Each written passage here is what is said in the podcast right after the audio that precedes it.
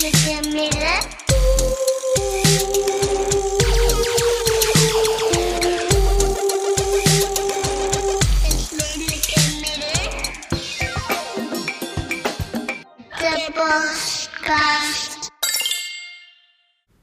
Welkom bij het Redelijke Midden, de podcast die gezien onze inmiddels berengezellige Discord-server de enige is waar Discord aan de basis staat van eensgezindheid. Met de inmiddels vertrouwde tafelheren Jaap Strongs, dat ben ik, eh, Pim van den Berg, ben jij present? Dat ben ik. Ja, en Thijs Kleinpaste. Hallo. En we gaan beginnen met eh, ja, toch het nieuws van, eh, van de afgelopen dagen. En dat blijft hopelijk nog wel even doorzingen, want het gaat niet alleen maar om dit incident, maar ook om eh, een, een breder fenomeen van eh, het toxic masculinity en dat soort zaken. Eh, dat is toch eh, het nieuws van Kai van der Rey. Ik, ik ben eerst even benieuwd, kenden jullie Kai van der Rey? Als YouTuber, ja, ik schreef een artikel over YouTube en toen stuitte ik op zijn werk. Ah, Ik en jij Thijs? niet. Nee, ik had nog nooit van hem gehoord. Ja. Ehm, ik ook niet, maar ik, eh, hij kwam wel bekend voor. Maar dat komt misschien ook omdat ehm, het is een bepaald typetje. Hè? Het, het lijkt ook een beetje op 3FM-DJ's. En eh, dat is een, over, ook een wereld die verweven is geraakt met, met YouTube. Zo blijkt ook wel, want eh, ik had begrepen dat Giel Belen degene was die deze Kai van der Rey naar eh, 3FM heeft gehaald. Maar ik... ehm, eh, misschien heb ik hem wel eens een keer op, op YouTube gezien, maar hij deed geen belletje rinkelen. Maar nu is hij overal in het nieuws. Ehm, hij is een eh, YouTube-ster, tv-presentator, ehm, die er schijnbaar een gewoonte van maakte. Want het waren wel meerdere casussen, ehm, eh, hoewel Liza op Twitter eh, degene is die het vertelde. die er een gewoonte van maakte om nou 13 tot 16-jarige meisjes, hè, kinderen, met nogal dwingende communicatie te overreden om hem naaktfoto's te sturen. Oh, Ja. sorry, ik had een, eh, eigenlijk moeten beginnen, maar het ergste, het meeste komt nog komen. Een, eh, een content warning of trigger warning eh, over seksueel geweld is hier misschien op zijn plaats. Je kunt ook skippen naar een volgend item als je daar gevoelig voor bent. Ehm, nou ja, wat opvalt is ehm, eigenlijk vooral ook de, de, de mediaberichtgeving hierover. Kijk, het is natuurlijk erg dat het gebeurt, maar het is denk ik ook belangrijk om erbij stil te staan dat het geen op zichzelf staand geval is, eh, maar dat het eh, een, een incident dat naar boven komt. Maar ehm, sorry, dat het geen, geen incident is, maar dat het vaker voorkomt, hoewel alleen dit voorval eh, de media haalt. Ehm, hij, en hij zegt, ja, sorry, foutje. Ik heb een domme fout gemaakt. Het zal niet meer gebeuren. Maar laten we misschien even beginnen met... ook echt. Ja, nou een fout. Kijk, het- dat is het al het punt. Het gaat natuurlijk niet per ongeluk. Je moet denken behoorlijk wat, dat is ook wat, wat op Twitter eh, werd, werd verteld. Je moet denken behoorlijk wat moeite doen om als eh 28-jarige vent in eh, een privéchat met eh 13, 14, 15, 16-jarige meisjes terecht te, te komen. Ehm, ik bedoel, dan, dan ben je volgens mij gewoon een, een, een predator die dat bewust eh, eh, opzoekt. Is het niet? sowieso niet een misdrijf om je geslachtsdelen te laten zien aan minderjarige mensen?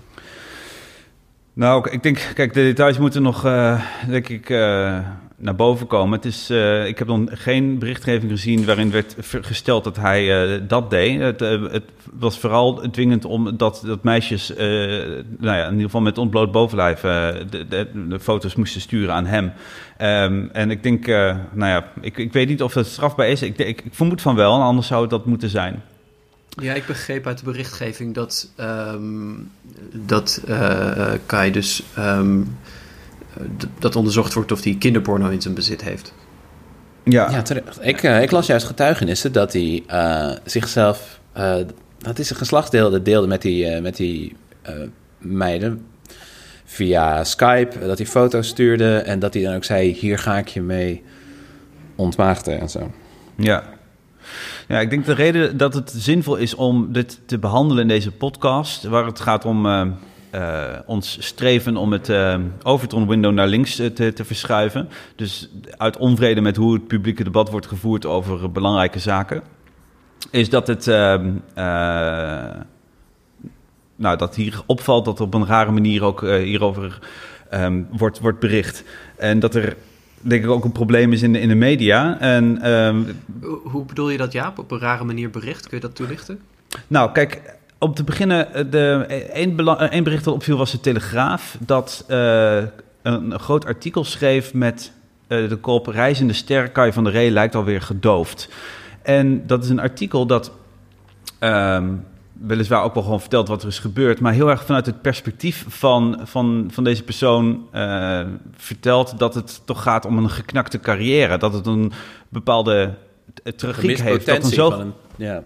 Dat het ge- een getalenteerd persoon is die eh, kennelijk in de fout is gegaan. En vervolgens vooral ehm, ruim, ruimte eh, maakt om hem zijn verhaal te laten doen. eh, de, uit te leggen hoe het is gekomen. Ehm, en eh, dat het een heel menselijk eh, persoon is die eh, ups en downs heeft gekend. En eh, heel veel mooie programma's heeft gemaakt. En ook heeft gezegd: Ja, ik, ik snap dat ik mijn omgeving ernstig heb teleurgesteld. Ik hoop dat zowel de jonge vrouwen als andere, anderen mij kunnen vergeven. En ik kan. Ja. Oh man. en ik kan verzekeren dat het nooit meer zal gebeuren. En dat is ook hoe het artikel eindigt. Dus het is eigenlijk al eh, bijna eh, als een politicus die de fout ingaat... en dat ziet als een kans om weer eh, in, in, in genade te vallen bij, bij, het, bij het publiek. Je, je, je voelt bijna de comeback alweer, alweer komen, zeg maar. Terwijl daar... Nou ja, dat, dat hopelijk überhaupt niet, niet zal plaatsvinden. Bijna, bijna alsof het leidende perspectief van dit soort artikelen is niet de eh, slachtoffers, eh, de jonge meiden waar het hier om gaat. Maar het echte slachtoffer hier is de carrière van Kai. Ja, en dat, en dat zie je ook in, in andere casussen. Bijvoorbeeld in Weinstein. Ik eh, kan trouwens de podcast ehm, eh, To Catch... Oh, dan moet ik even in de... eh, hoe heet het ook Predator alweer? van, To Catch a Predator. Kill? Ronan Farrow. Oh. Nee, Catch, Catch and and Kill. Kill. Ja, nee, we halen dingen op elkaar. Catch and Kill heet zijn boek eh, van Ronan Farrow, verslaggever voor de New Yorker. Die begon met het onderzoek bij CBS News en het afmaakte voor de New Yorker, omdat CBS ook eigenlijk het niet willen publiceren. Ehm, dat is gelukkig een podcast die wel vanuit het perspectief van, van, van eh, jonge vrouwen vertelt. En ook laat zien hoe ongelooflijk moedig ze zijn geweest. En hoe ongelooflijk veel ehm, schade ze kunnen eh, eh, oplopen. Ook in hun, in imago, in hun carrière, in hun, in hun persoonlijk leven. Niet alleen dat het dat he- uiteraard hen is overkomen, maar ook om daarmee publiek te gaan. En Mm. Nou ja, daar is de, eh, da- daar, daar gaat het nu ook al nauwelijks om. Het gaat een soort van, het is een soort van Icarus-verhaal van een, eh, van een, van een eh, getalenteerde persoon. En terwijl het talent valt ook wel mee, want ik heb een paar van die YouTube-video's zitten kijken en er is echt niet doorheen te komen. Nou ja, dat, dat, dat is natuurlijk persoonlijke smaak. Maar het wrange is dat hij, hij noemt het een, een probleem en hij verontschuldigt zich voor een teleurstelling. Maar waar we het over hebben is het structureel intimideren en manipuleren en misbruiken van jonge meisjes. Ik bedoel, als er 12, 13, 14-jarigen tussen zitten, dan zijn dat kinderen. En dat is, eh, het, is, het is krankzinnig dat dat dan nu al zelfs lichtjes gerehabiliteerd wordt. Ja, Moet- ja, het doet ook denken aan die... eh, helemaal toegestaan om, om gewoon ehm, zijn eigen verhaal hierover te gaan vertellen. Eh, Een verhaal van, van, van spijt en berouw, et cetera. Ehm, maar die, en die, en die mogelijkheid wordt hem, wordt hem rijkelijk geboden, dus door die media die hem daarvoor eh, dat platform ook geven. Ja. Het is ook heel raar trouwens eh, dat, maar misschien niet, eh, niet zo gek, dat eigenlijk het grote individuele eh mediaverhaal van de afgelopen week van, van Nikki Tutorials was, die ehm, gedwongen eh, was, eh, of zich gedwongen voelde om, eh, en ook gedwongen werd natuurlijk, om publiekelijk te verkondigen dat zij een transgender persoon is. Ehm, om, en dat vervolgens, en dat heeft ook wel mede veroorzaakt dat dit verhaal over Kai van der Ree is, na- na- naar buiten is gekomen. Want hij publiceerde vorig jaar al een video waarin hij gewoon stelde van... hey, Nikki Tutorials, ik eh, hoorde dat jij... eh, ik heb een gerucht gehoord eh, dat jij, dat jij een, een man zou zijn Ja. geweest. Ehm, ik ben gewoon benieuwd. En dan staat zo'n mede-presentator schaapachtig... zit naast hem op de bank schaapachtig te lachen van... oh, dat kun je toch niet maken, man. En sowieso, een man geweest is, is toch aardig transfoob, vergis ik me erin. Ik bedoel, ze was nooit een man. Precies, ik bedoel, dat is natuurlijk ook een eh, stomme manier om het te zeggen. Maar eh, wat uit de eh, berichtgeving blijkt, was dat het een, gewoon een, niet een roddel was, maar een, gewoon een bekend gegeven in de YouTube-community. Zo van, dat was bekend. Dat was niet zo dat het waarschijnlijk was. Dat wisten mensen in de YouTube-community gewoon. En dat betekent dus dat hij gewoon besloot om gewoon er even een soort van grap van te maken. Gewoon het even hard. Eigenlijk, dat is echt puur pestgedrag. Moet je even indenken hoe gemeen het is. Als je weet dat, dat uh, Nicky Tutorials dat zelf dus niet publiekelijk bekend wilde maken. Om daar gewoon even een video over te maken. Dat is. Nou. Ja, uh, Carmen Felix op Twitter, uh, zij is schrijver van Je kunt het ook nooit goed doen, onder andere. Die haalde ook alweer een video op die inmiddels vrij rap privé was gezet van, uh, van Kai. Over dat hij dus honderd keer aan meisjes op straat vraagt of hij seks met hun mag hebben. En dat is ook nasty. En vrij kenmerkend natuurlijk. Er gaat echt een wereld voor me open, maar op een hele akelige manier. Dit, dit, wat, voor een, wat, voor een, wat voor content is dit? En waarom, waarom wil. Nou, Pepijn in de Discord zegt. Pepijn in de Discord zegt dat pestgedrag volgens hem een beetje de rode draad is tussen, uh, tussen al die filmpjes. En dat geloof ik op zich wel. Het is echt een, uh, een man die zich gerechtvaardigd ziet om beroep te doen op uh, lichamelijke autonomie van, van vrouwen in, in, niet eens in zijn omgeving, wildvreemde mensen.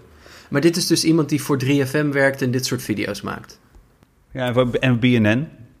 Ja. BNN-Vara en, en, en 3FM, waaronder meer uh, opdrachtgevers. Maar dat is een goed punt inderdaad. Het, het, en dat is ook letterlijk wat hij doet in die Instagram-berichten. Volgens mij was het Instagram. uh, dat hij zegt, foto zonder BH nu. Letterlijk het, het, het, het kunnen claimen van, uh, van, van, van andermans lichaam. Van, van kinderen in dit geval. En dat is... ja, het, het, doet me ook denken natuurlijk aan, um, aan die, in die case van het programma De Villa. Hebben jullie dat gezien? Ja. Meegekregen in nou, ieder geval? Ik heb meegekregen natuurlijk, ja. Um, dat was het, uh, het reality-programma waar dus een man op een uh, aangeschoten of gedrogeerde vrouw dook tijdens de opname in bed onder de dekens. Dat is aanranding in feite. En dat niemand van de producers of regie zei van... Oh, misschien moeten we hier even een stokje tussen steken. Maar dat ze het gefilmd hebben, gemonteerd en uitgezonden. En dat dan juist de, de kijkers moesten signaleren van... hey, ja. dit is aanranding. Ja, precies. Dat het dus uh, uh, gewoon door. Ja, niet alleen dat het gewoon door de redactie is gekomen. Dat niemand denkt van goh, is het niet een beetje uh, gek of moet het wel kunnen? Het is zelfs gebleken dat dat natuurlijk het redactioneel concept is. Ook van heel veel vergelijksoortige programma's. Dat dat al vanaf Big Brother eigenlijk, dat werd wel steeds erger. Dat het, het redactionele concept is dat er eigenlijk situaties worden gecreëerd waarin mensen seksueel over de schreef gaan. En dat, dat, mm. dat de kijkers worden meegenomen in, in die spanning. En dat, maar dat gaat ook verder trouwens. Ik, uh, er is een kinderprogramma, volgens mij vooral gemaakt voor kinderen. Dat heet een Checkpoint. Dat is op zich redelijk onschuldig. Maar het zijn allemaal van die wedstrijden die gaan tussen jongens en meisjes. Waarin ook, uh, je ziet dan een, een, team van jongens volgens mij met, met barbecuen en met brandweerpakken aan. Allemaal mannelijke dingen doen. En andere dingen zijn weer typisch meisjesachtig. Daar wordt gewoon, en letterlijk mijn kinderen hebben dat gekeken. Want dat dachten, oh dat is een leuk programma van van de NPO die, hebben, die, hmm. die liepen dat, daadwerkelijk dingen daarna te zeggen als van dat is typisch meisjesachtig of uh, jongens kunnen dit beter en meisjes kunnen dat beter. Hele bepaalde traditionele achterhaalde clichématige rolpatronen uh, troep uh, wordt dan gewoon de kijker via de kijkbuis de kinderbreinen geïnjecteerd. Dat is ja, ik, ik dacht van nou oké, okay, je kunt dus ook niet een gewoon een gemiddeld um, NPO-programma meer um, vertrouwen dat dat uh, niet problematisch is. Zelfs die goede leerzame NPO.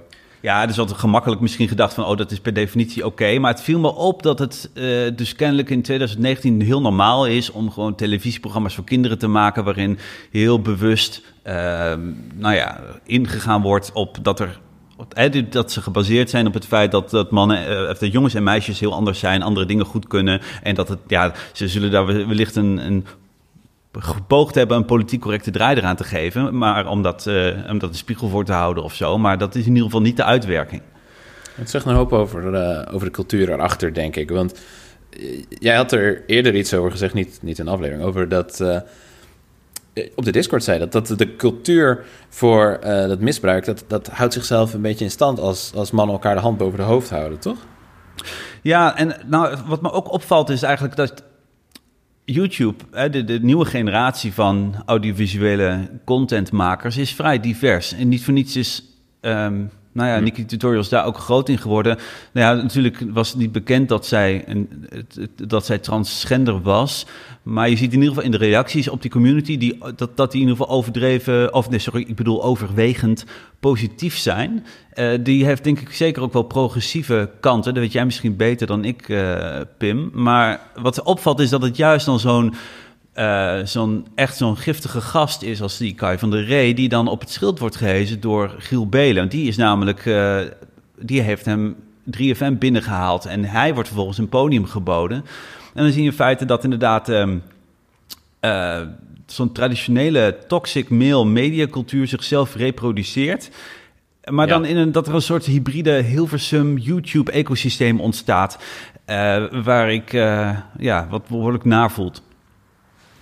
Ja, ja en, en, en er, is, er is dus blijkbaar een, ehm, een zichzelf in stand houdend mechanisme waar eh, ja, een bepaalde opvatting over wat entertainment is, of een bepaalde opvatting over wat grappig is en wat goede content is, dus eh, zichzelf dus repliceert. Want het is. En, en, en ehm, dat.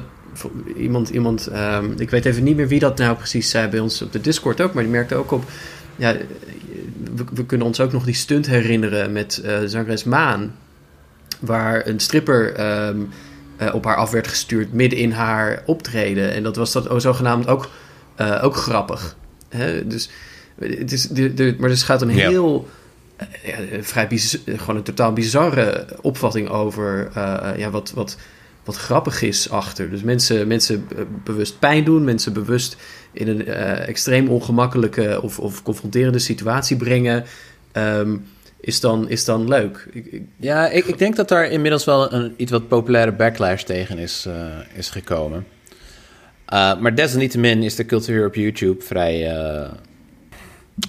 Hoe zegt Kelly Mostert dat?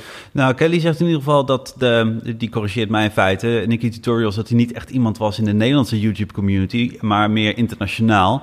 En dat, de, dat zij de YouTube-community in Nederland in ieder geval uh, uh, meer pijnlijk wit vindt en ook cis-het. En, ja, hetero. Um, ja, en... en uh, maar jij, jij ik, ik zie er vervolgens ook een linkje voorbij komen, een artikel in Vrij Nederland van jou, Pim, dat ja, uh, met de titel Waarom YouTube een hetero wereld met alleen maar mooie mensen is. Kun je daar, daar iets... Gelukkig wat, uh, daar komt wat meer verandering in, gelukkig. Maar bij YouTube heb je dus dat uh, algoritmes herkennen wat populair is en boosten dat nog verder. Dus populaire dingen worden stelselmatig nog populairder gemaakt. Um, en dingen die onmiddellijk aanslaan, die worden vaker uitgekozen in het algoritme. Dus dingen die we al herkennen of dingen die we mooi vinden, die zijn populairder. Dus schoonheid, uh, zoals we die kennen, conventioneel, witte mensen, uh, blond haar, die, uh, en, en duidelijk herkenbare geslachtskenmerken, genderkenmerken. Dat wordt beloond door YouTube en steeds groter gemaakt. Maar dus, dus ideeën het, het die zeg maar, nu dominant zijn, die worden zeg maar, versterkt en bestendigd en niet, en niet uitgedaagd. Inderdaad, terwijl YouTube ook een heel erg democratisch platform is, waarbij je dus um, iedereen kan een kanaal beginnen. Het is alleen niet altijd even makkelijk als je afwijkt van de norm om daarin ook een stem te krijgen. Ja, dus het is toegankelijk, het is wel toegankelijk voor iedereen, maar de, de signalen worden, uh, de, die dominant zijn, die worden versterkt en, en de rest wordt gereduceerd tot, tot ruis in de, in de marge, zeg maar. Ja, dat is waarom je bijvoorbeeld als je een willekeurig YouTube-tabblad opent in een privévenster, dan krijg je wel de Telegraaf en Voetbal Inside, maar geen tegengeluid op dat soort dingen. Of in ieder geval niet zo snel. Nee, en uh, het is ook bekend van YouTube dat er ook wel intern uh, is geadresseerd dat die algoritmes zo problematisch zijn, maar die, die geluiden zijn stelselmatig um, tegengesproken, of de, de mensen die die uiten tegengewerkt, omdat het natuurlijk in de eerste plaats een, uh, een money-making machine is. En um, Juist. Uh, ja, correcties op een die algoritme. money machine. Ja, ja YouTube is echt een, uh, een cesspool wat, wat dat betreft. Ja, en, en wat nu? Ik bedoel, kunnen we... Pim, jij hebt wat meer ook wat zicht op die, op die, op die mediawereld. Denk je dat er... wat, wat verandering komt. Denk je dat Ja. bijvoorbeeld bij 3FM een keer voldoende de bezem erdoor wordt gehaald? Ik heb namelijk de afgelopen jaren waren er ook steeds relletjes met 3FM-DJ's die dan eh, problematische dingen hebben gezegd. En ik had zelf verwacht dat op een gegeven moment eh, de, eh, dat er dan iemand nieuw, een nieuw iemand de scepter ging zwaaien, dat er een keer flink de bezem door werd gehaald. En dat het een soort kans was om te zeggen: oké, we hit rock bottom, we gaan nu echt progressief, ehm, een, een, een progressief geluid. Uitzenden. Kijk, Zowel qua muzieksmaak als qua cultuur en samenstelling van het, eh, het DJ-team. Maar het, dat is nog uitgebleven. Er zit, lijkt een soort rem op te zitten. En is dat een, waar zit hem dat in? En klopt die lezing überhaupt? Ja, ik bedoel, ze willen wel transformeren, maar het zal echt radicaal moeten. Ik bedoel, wij zijn nu niet met z'n drieën de juiste personen om te gaan spreken over de noodzaak van een eh, diversere redactie of een diverse productieteam. Uh, maar zolang ja, er gewoon overwegend witte mensen, voornamelijk witte mannen, de dienst uitmaken, is dat, uh, is dat lastig. Al zit er een vrouw aan het hoofd bij 3FM, toch? Ja, dat klopt. Maar uh, ja, ik weet niet of dat veel, uh, nog veel heeft geholpen. Zullen we maar afsluiten met uh, de, de, de take van de week? Ik, uh, de week. De take van de week. De take van de week. ik uh, wellicht een, een blijvertje qua rubriek, maar de, de take van de, van de week is ditmaal in ieder geval Laurens Collet, at Laurens op Twitter. De welbekende Rotterdamse singer-songwriter en, uh, en ook uh, reguliere grappenmaker. Stadsgenoot Die, van jou? Een stadsgenoot van mij, wijkgenoot, buurtgenoot zelfs. Hij woont uh, hier om de hoek. Um, volgens mij nog steeds. hij, ziet, hij, hij, hij quote ook um, een, wat screenshots uit dat zojuist ook genoemde Telegraaf-artikel. En, en merkt daarbij op... Je bent in de Telegraaf beter af wanneer je kinderen vraagt naaktfoto's te sturen... dan wanneer je ze aanmoedigt voor hun toekomst op te komen. Ja, ja. Dat is de stand, uh, de stand van die ging helemaal los op Kleine Lars. De oh, de kleine vader. Lars. Ik was helemaal... De Lars is natuurlijk de, de, de, de 12-jarige uh, Gelderse um, uh, klimaatactivist. Maar ik, uh, de, zijn naam is nog niet helemaal... Uh, ik, ik had namelijk vooral de vergelijking met gewoon Greta Thunberg... Uh, nog in mijn hoofd uh, toen, uh, toen Laurens dit tweette. Maar ja, Lars is een van de Nederlandse versies daarvan, zeg maar. Ja, jongen die, die de Provinciale Staten in Gelderland toesprak over zijn zorgen over klimaatverandering. Ja, ja. ja en goeie, door, goeie take van, van Laurens Collet. prachtig album heeft hij het overigens ook alweer een poosje geleden, maar tegen de keer. Je kunt het beluisteren op... Spotify. Ja, en vorige week is uh, een, zijn laatste single uitgekomen. Dat is uh, een, een, in samenwerking met um, uh, Peter Buurman, die een, een, een zijn eerste roman heeft uitgebracht. Goede nachtrust. precies, ja. ja. over wat er gebeurt in, in één nacht. iemand die wakker wordt en um, volgens mij, uh, de, de premisse is dat er een inbreker in zijn huis is. En de, de, de hele man beschrijft alleen die nacht. En dat is volgens mij goed ontvangen. En ik ben uh, benieuwd naar. Dus even een random uh, shout-out wat dat betreft. Top. En geef mij geld. geef, geef, geef Pim geld.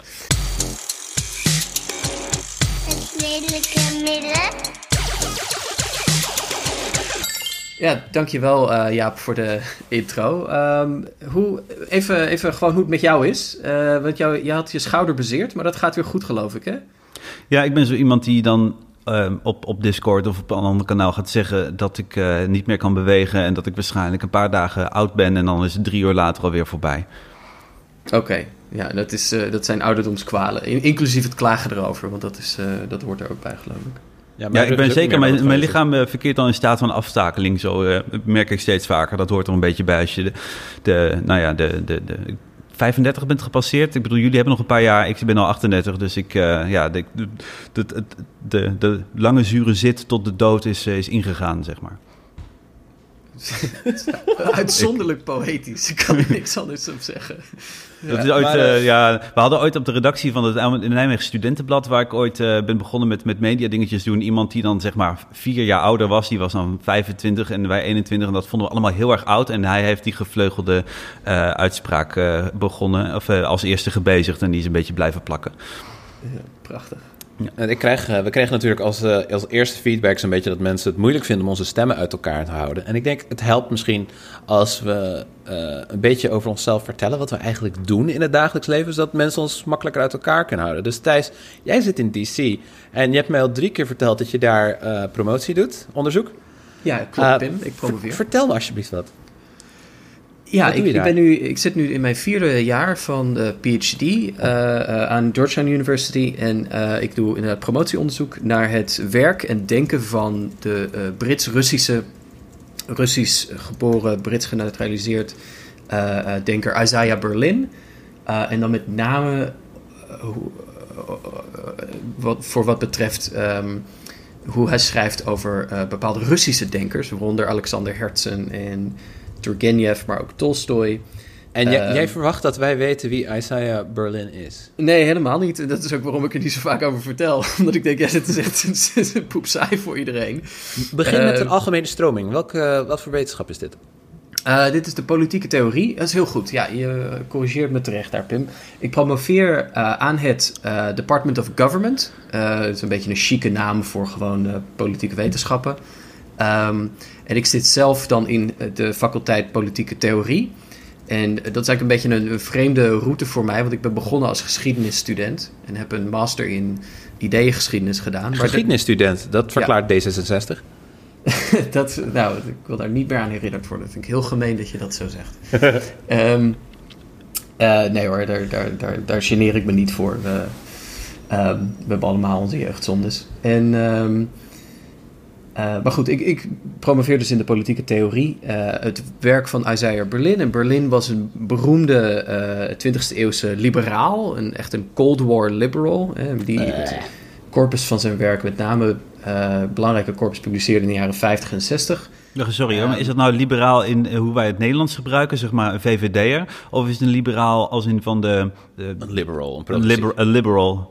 Het is en er tussenin. Het is een eh, Britse eh, liberaal. Dank je, Eh, dat al, verheldert. ehm, al als, eh, heeft hij nooit op de conservatieven gestemd. Hij stemde altijd eh, eh, ofwel op eh, Labour en eh, later ook wel op de Lib Dems.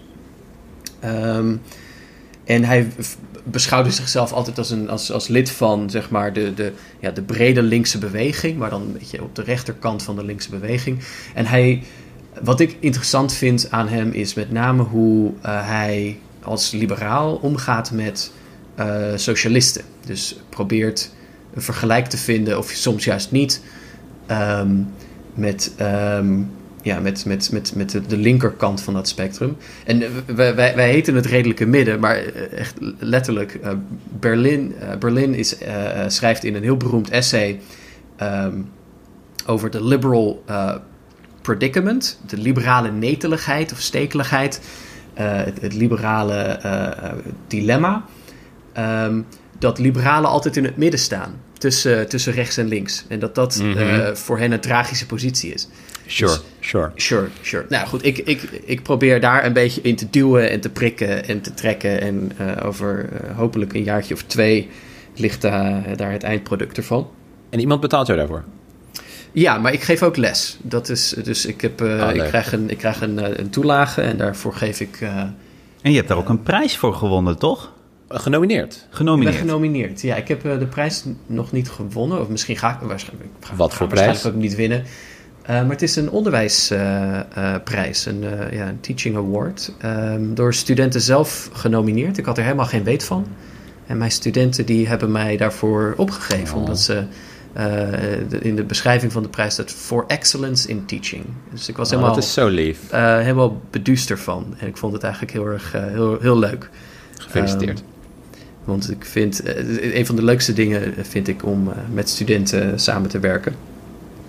En eh, ja, en, en zeg maar door de, door de lange kanon van de politiek, eh, van de politieke theorie te wandelen. Van zeg maar Plato naar Thomas Hobbes, naar Locke, naar Rousseau, naar Martin Luther King, ehm, Hmm. naar eh, ja, al, al, al, die, al die grote namen. En En je ook schrijft ook gewoon af en toe nog... Sorry. Ik wilde zeggen, je schrijft ook af, regelmatig voor eh, de Groene Amsterdammer, toch? Ja, dat is wel wat onregelmatiger aan het worden, want ik heb er eh, niet altijd eh, voldoende tijd voor. Eh, en, en overigens zit hier in eh, Washington, eh, De Groene heeft hun correspondent hier, een uitstekende eh, correspondent, Casper Thomas. Ah, Ik heb eh, nog even een, een vraagje tussendoor.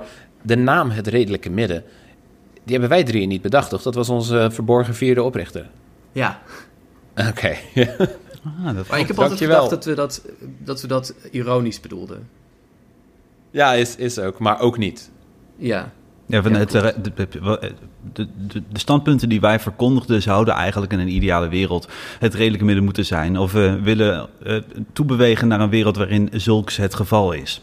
Het zou de enige rationele reactie moeten zijn tegen klimaatverwoesting en zulke ongelijkheid en massasterfte. Hey, maar ik heb nou heel veel over mezelf gepraat, maar eh, Pim, wat doe jij in het dagelijks leven? Weinig. Ehm, ik probeer aan te modderen als freelance journalist. Ehm, en ik schreef voornamelijk voor Vrij Nederland. Maar nu eh, moet ik het zelf vooral rooien. Ik ben hard aan het pitchen. Eh, ik schrijf nog voor Filmkrant. Want de hoofdredacteur daar, Ronald Rovers, is een enorme tijger. Die wil ook meer beeldtaal en nieuwe, nieuwe artikelen over games. En dus mag ik daar over games schrijven bij de Filmkrant. Eh, maar verder ga ik dan ook in het komende jaar nog een paar workshops en lezingen doen. Ehm, en ben ik op zoek naar geld. Dus eh, laten we die Patreon opstarten. Boombouw!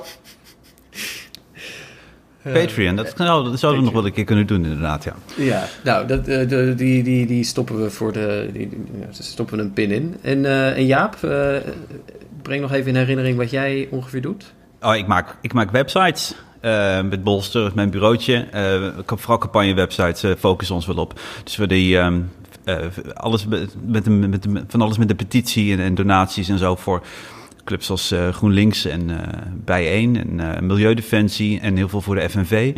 Dus ehm, ja, en of vanavond gaat trouwens, als het goed is, live. Dus als je dit hoort, is het net live gegaan. Lijmdezorg.nl voor een, een manifest voor eh, verbeteringen in de jeugdzorg en eh, geestelijke gezondheidszorg. Dus dat soort, eh, dat soort dingen maak ik, maak ik vooral.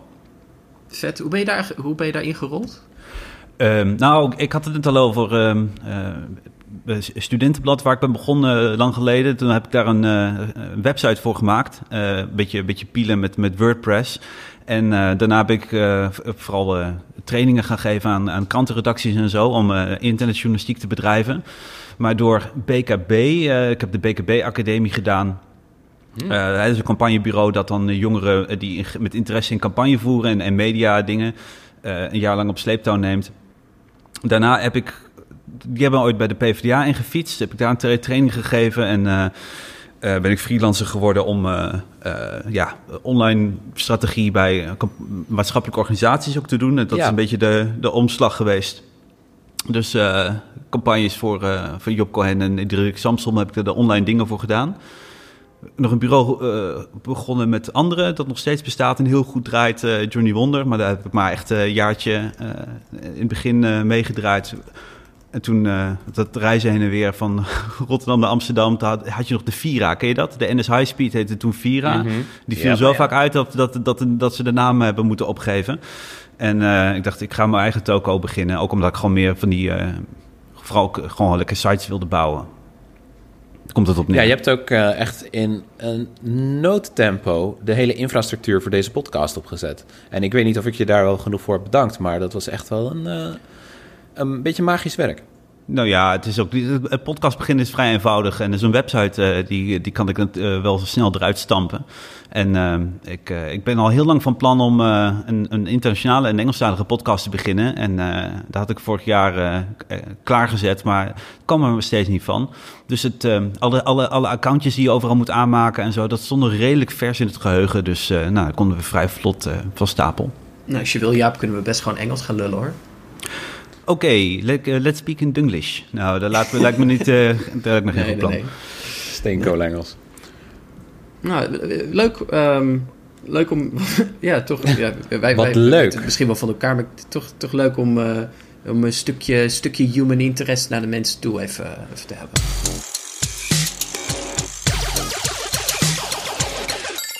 Ja, zullen we dan nu maar eh, een, een, een contrast eh, maken met, een, eh, met gewoon de, de zware inhoud waar mensen voor komen? Eh, de, Meer, Thijs praat als een boek, klein paste.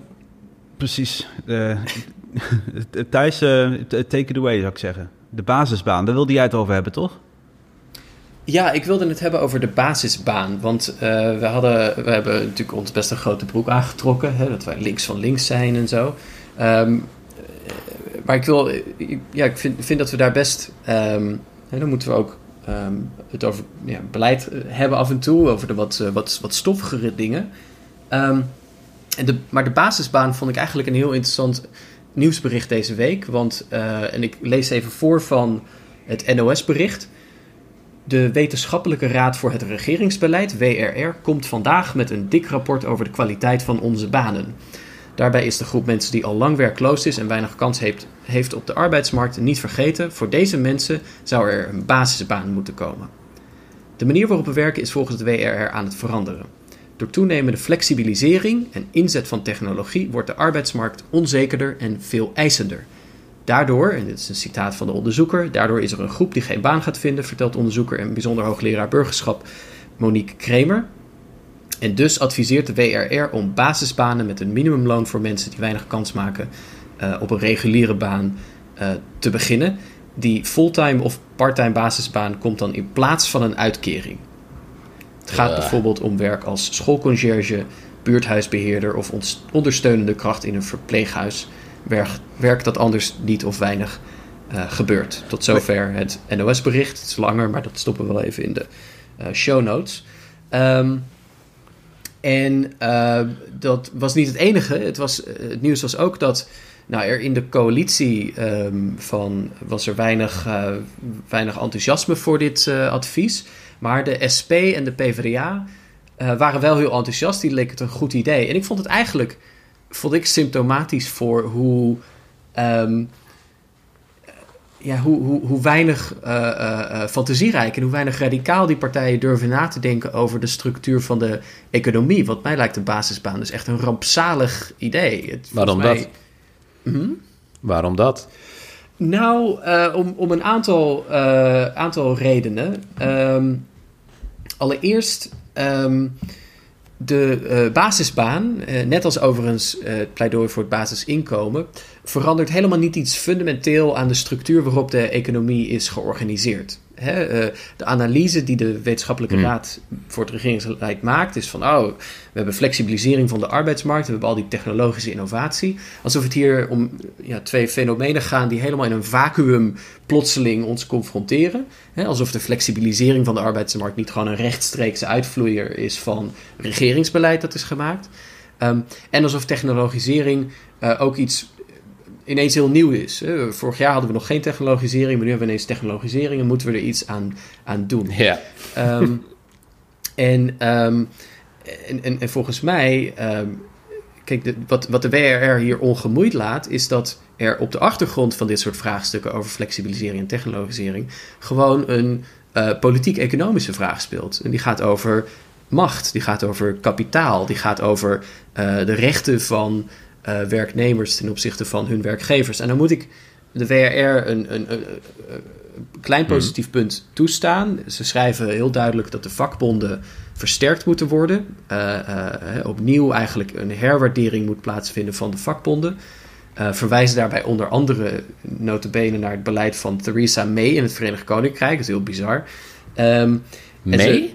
Als Ja. lichtend voorbeeld? ja, als voorbeeld kennelijk. Ehm, ze verwijzen overigens ook naar eh, Elizabeth Warren hier in de Verenigde Staten. Niet naar Bernie Sanders, dat is heel raar. Ehm, en eh, het andere positieve punt is dat de WRR ook de staat een flinke veeg uit de pan geeft. ehm, omdat die als werkgever ook eh, onbetrouwbaar is en lage salarissen betaalt. Bijvoorbeeld aan onderwijzers en ander Ja. overheidspersoneel. Ehm, Dus Maar- als ik jou goed begrijp, is nog steeds het idee van werk centraal en wordt er dus niets veranderd aan de inrichting van onze samenleving die gebouwd is op heel veel werk. Ja, en ehm, kijk, niet om nou eh, Marx overal bij te slepen. Maar, Doe het. eh, We hebben het Marx wel. Voor, voor iemand die geen Marxist is, lees ik wat veel Marx. Maar ja, dat is misschien voor een andere keer. Maar ehm, Ma- Marx zegt in feite: het hele, het hele probleem van het kapitaal is dat werk wordt ontkoppeld van onze ehm, ons eigen doel in het leven. Hè? Eh, werk wordt, eh, eh, wij, wij raken vervreemd van onze arbeid, omdat de arbeid een, ja, een productieeenheid wordt in de productie van goederen, in de productie van meer kapitaal.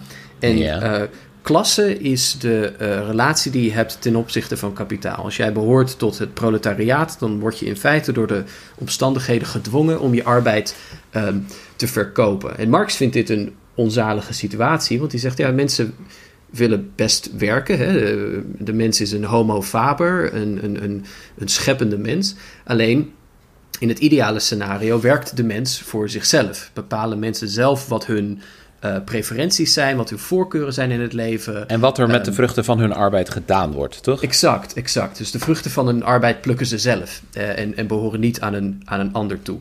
Ehm, en ehm, de WRR gaat eigenlijk al vo- volkomen voorbij aan, aan dat vraagstuk. Laat de verdeling van het kapitaal ongemoeid, laat de eh, eh, tegenmacht voor kapitaal in feite ongemoeid, door te zeggen: het belangrijkste wat mensen kunnen hebben is een baan. En als ze die baan hebben, dan hebben ze voldoende zingeving. Eh, dus laten we maar focussen op gewoon iedereen werk geven. En daarmee hebben we de meer fundamentele vraag eigenlijk wel al ehm, opzij geschoven. En dat Ja. is een. Kijk, we hebben het hier vaak over in het, eh, het overtonraam. Ehm, Venster? Ergens, ja, het overtonvenster. Ergens is de WRR hier een soort gatekeeper van wat eh, de acceptabele politieke eh, oplossing is. Hè, wat, wat nou aanvaardbaar beleid is. Ehm, en dat is niet wetenschappelijk, dat is gewoon ideologisch. Hè. Het feit dat de WRR Ja. hier niet een marxistisch pamflet publiceert, betekent dus dat blijkbaar die oplossing eh, al onacceptabel wordt, wordt. Maar dit is een, vat ik het goed samen als het een soort van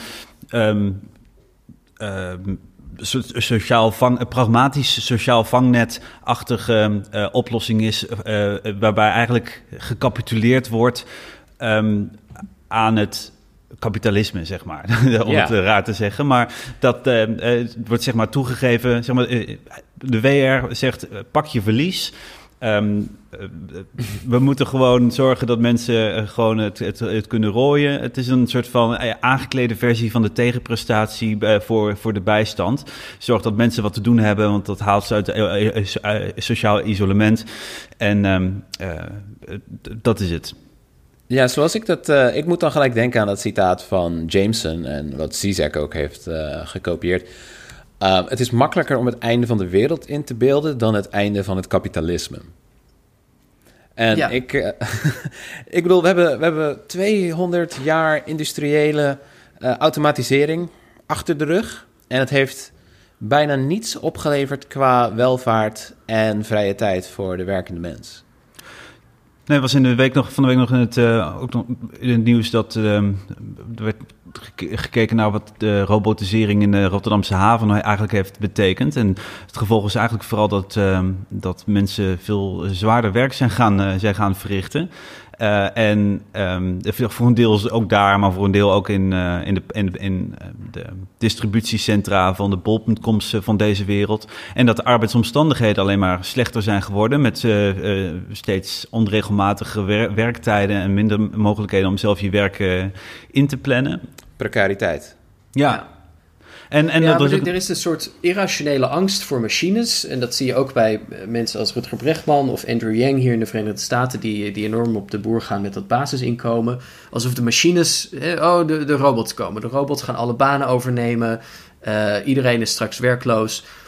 Eh, en, en het, het, is een, het is een verbijsterende manier van denken. Want eh, zeg maar, dit is alleen een probleem als je je dus niet voor kunt stellen dat eh, eh, werkende mensen, arbeiders, de, de arbeidersklasse, om het maar gewoon even in de klassieke termen te, te vatten, ehm, dat die een andere relatie eh, krijgen ten opzichte van, van die robots. Marx zegt, het is, het, het- de machine is niet het probleem, het eigenaarschap van de machine is het probleem. Het feit dat de machine niet van mij is, of niet van de Hmm. arbeidersklasse is. Ja. En Marx zei in feite, Marx die was, een, was getuige van de industriële revolutie. En er is, een, ehm, er is een, eigenlijk een heel interessante interpretatie van de beroemde zin van Marx: ehm, All that is solid melts into the air.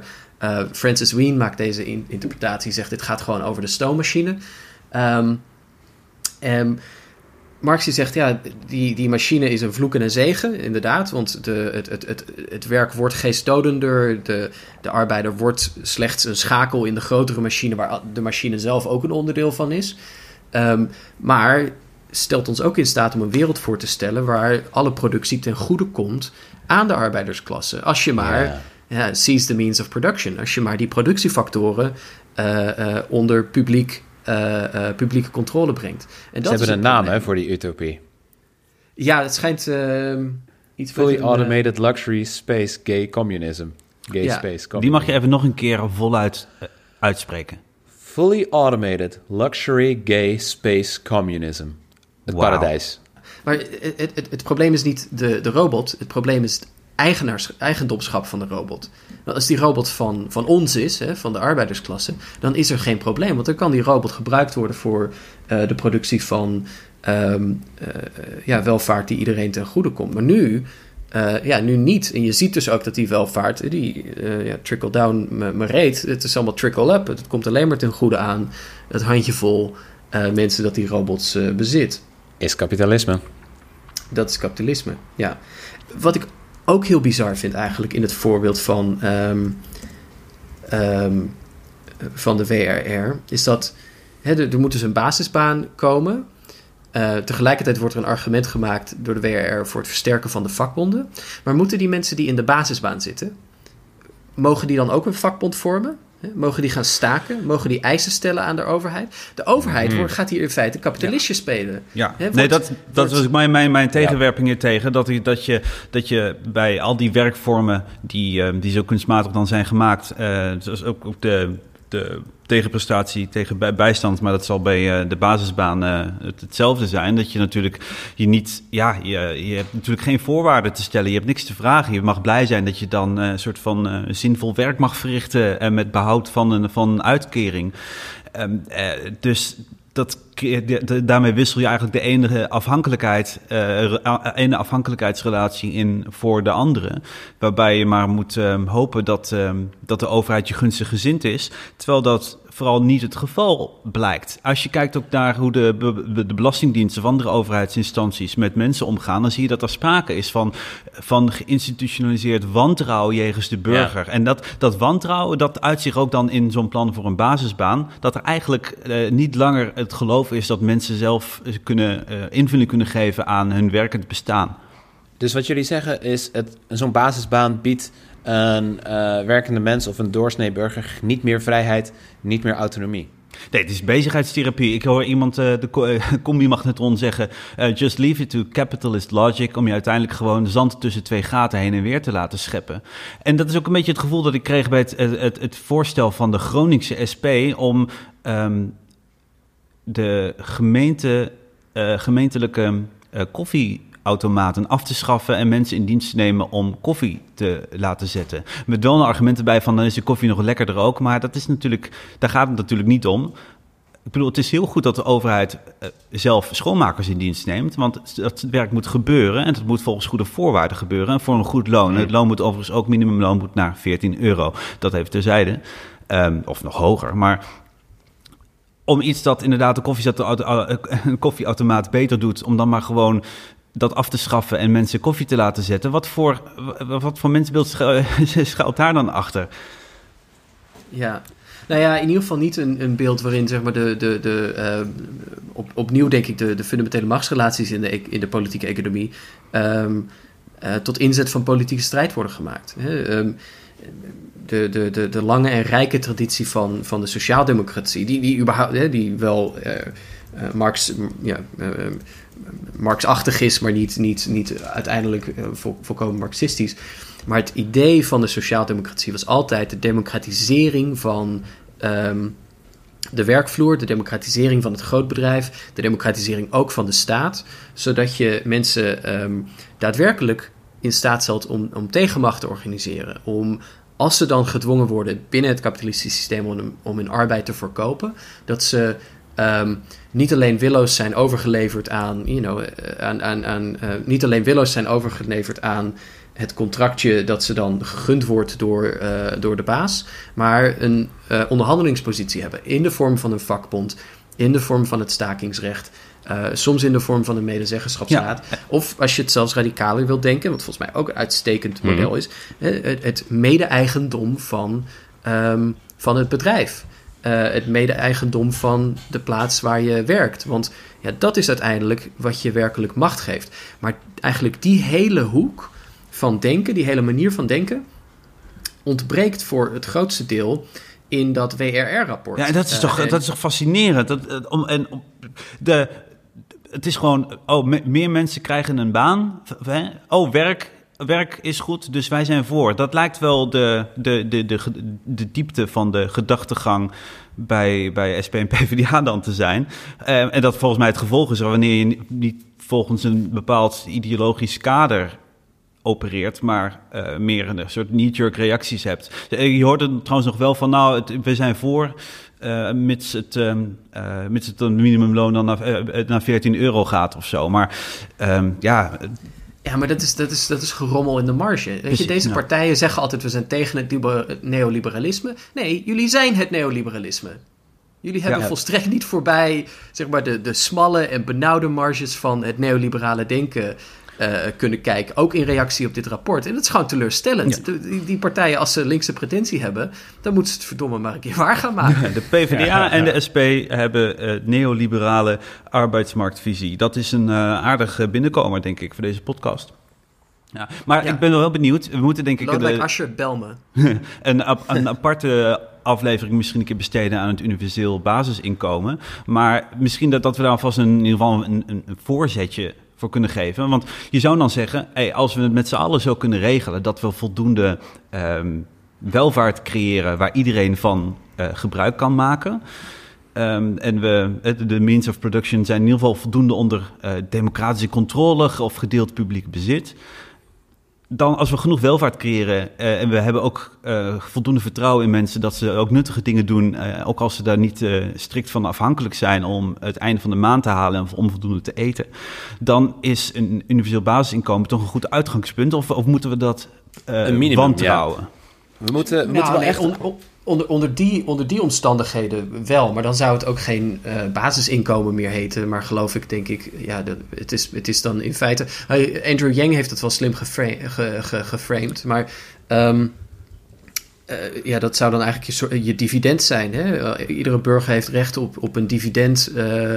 een- een deel van de opbrengst van wat het gezamenlijk kapitaal in zo'n maatschappij eh, produceert. Ja, dat is dan een soort basisinkomen. Maar dat is wel een heel andere opvatting van het basisinkomen, zoals we die eh, kennen uit het, ja, zeg maar uit het publieke debat, wat nu vaak wordt gevoerd. Waar dus, eh, ik zeg het toch maar opnieuw, waar dus helemaal niet gemorreld wordt aan die. ja, aan, de, aan de verkalkte eh, bezitsverhoudingen van, van de economie. En dat is, ja, dat, dat is, dat is, de, dat is de rot. Hè? Dan, dan ben je dus niet een utopisch denker, zoals Brechtman zichzelf graag eh, ziet. Dan ben je gewoon, eh, dan ben je gewoon een, ben je, blijf je aan het pielen in de smalle marges van wat, eh, wat, wat, wat denkbaar is eh, op basis van, eh, van, van, de, van de status quo. Maar, Dus we moeten gewoon zelf gaan bepalen eh, hoeveel we willen werken en wie er daadwerkelijk bepaald krijgt, betaald krijgt.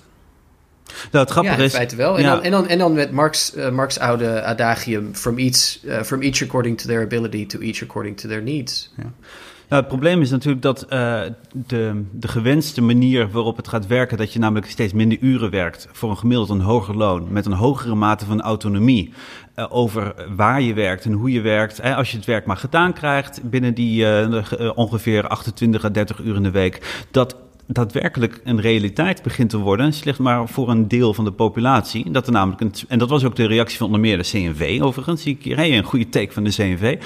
Ehm, dat, dat, dat er een tweedeling ontstaat eigenlijk tussen de, de, de hogere opgeleide, de vaak hoger opgeleide middenklasse en bovenklasse van mensen die, die dat soort white-collar jobs hebben en een, ehm, eh, en een onderklasse die eigenlijk geen vaste contracten meer heeft eh, eh, in een arbeidsmarkt die volledig geflexibiliseerd is en die eigenlijk straks moet kiezen tussen twee, twee kwaden. En dat is ook de groep die wordt opgegeven door zo'n WRR-rapport, zo lijkt het. Van nou, als die hun, hun flexjobs bij Mac- Mac- McDonald's en... ehm, en de supermarkt ehm, niet, eh, niet meer kunnen, eh, dat niet meer kunnen bolwerken, nou ja, dan hebben we dan nog maar een basisbaan voor ze. Maar ehm, wat jij al in het begin al zei van deze discussie, dat zijn geen wetmatigheden dat het die kant op gaat. De flexibilisering in Nederland, eh, kijk bijvoorbeeld voor whattheflex.nl maar, dat is nog een, daar staat mooi op een rijtje. Eh, wat opvalt is dat de flexibilisering in Nederland veel verder is, voor, eh, eh, is gewoekerd dan in zelfs maar omringende landen. Echt, dat, dat ziet er al heel, heel anders uit. En dat is helemaal geen wetmatigheid. En, dus ik ben eigenlijk benieuwd, misschien dat jullie daar wat over kunnen zeggen. Moeten we nou zeg maar ehm, shoot for the moon gaan? Van oké, we moeten een, een veel radicalere denken en, en andere toekomstperspectieven schetsen. Of kunnen we vanuit de huidige situatie starten en wel pragmatisch verbeteringen aanbrengen door bijvoorbeeld hoger minimumloon eh, eh, na te streven en eh, de flexibilisering tegen te gaan? Por een keer los dos. Waarom niet allebei? Ja. ja, nou ja, zoals de Franse eh, studenten in eh, 68 eh, zeiden: wees realistisch, eis het onmogelijke. Volgens mij moet u beginnen met het eh, eisen van, eh, van het onmogelijke, want dan wordt het uiteindelijk eh, mogelijk. Misschien als Utopisch afsluiter denken. nog, want dit. ehm, we zullen ongetwijfeld nog heel vaak over dit, eh, dit thema hebben, ook in, met, met andere voorbeelden.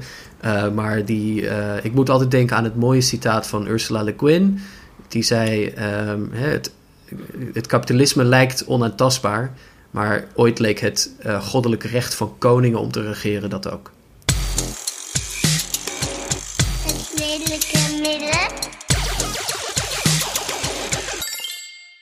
Dat is eh, het redelijk midden van deze week. Eh, wat is eh, het redelijk midden van deze week volgens jou, Pim? Is mijne. Ehm, nou, we hadden het erover in de Discord dat witte suprematie een bijvoeglijk naamwoord nodig heeft. Weet je? je moet gewoon kunnen zeggen als iemand zegt: oh, witte rasomvolking, bla bla bla, we moeten die waarden bewaren van het avondland. Dat moet je iets kunnen noemen. White supremacist, maar dan Nederlands. Dus witte suprematie wordt een gangbare term en wit suprematisch het bijvoeglijk naamwoord. Maar de coole kids maken er witsub van. Waarop dan de verontwaardigde boomer reageert: Wits up. En dan antwoordt de zoomer: Wits up, nothing much. Wits up with you. Oké. Ehm, we, blijven, denk ik, eh, bij de woordgrappen. Bij redelijke middelen, eh, bij redelijke midden, middelen. Maar redelijke midden met een headtip naar eh, ons communitylid teleurgesteld in paars voor de inspiratie. Ehm, ons Discord-lid. Redelijke midden van deze week is: oké, er komt een basisbaan, maar dan wel anarcho-socialistisch. Niemand die de baas is en iedereen een baan. Mooi. Eh, Dankjewel. het redelijke midden van de komende week is volgens mij dat eh, eh, toxic masculinity eindelijk wordt afgeschaft, maar wordt ingeruild voor masculine toxicity. Dat bestaat uit eh, het volgende: mensen met een overmaat aan testosteron kunnen dit voortaan kwijt door eh, met tienduizenden tegelijk in het plaatselijke voetbalstadion met z'n allen op eh, System of a Down te headbangen. Mag ik ook Britney Spears doen? Ja, mag ook. Nice. Vet. En eh, dat was het redelijke midden van, eh, van deze week. Eh, op het redelijke Ja. midden.nl is van alles te vinden. Eh, we zijn ook te vinden individueel eh, op eh het BVDPim, het Kleinpaste Thuis, het Jaap Strongs, maar ook het redelijke midden op Twitter. En eh, Ja. En eh, we, we hebben volgende week eindelijk onze eerste gast. Is dat eh, correct? Dat klopt, ja. Eh Asja ten Broeke is eh, dan te gast. Dus dat is heel fijn. En er komen nog meer gasten aan, want het is tijd om dit eh, podium wat te verbreden. Wat ook niet meer dan gerechtvaardigd is door de uitzonderlijk goede bijdrage en gezellige inbreng ook van de diverse leden op het eh, Discord eh, forum dat we hebben gestart.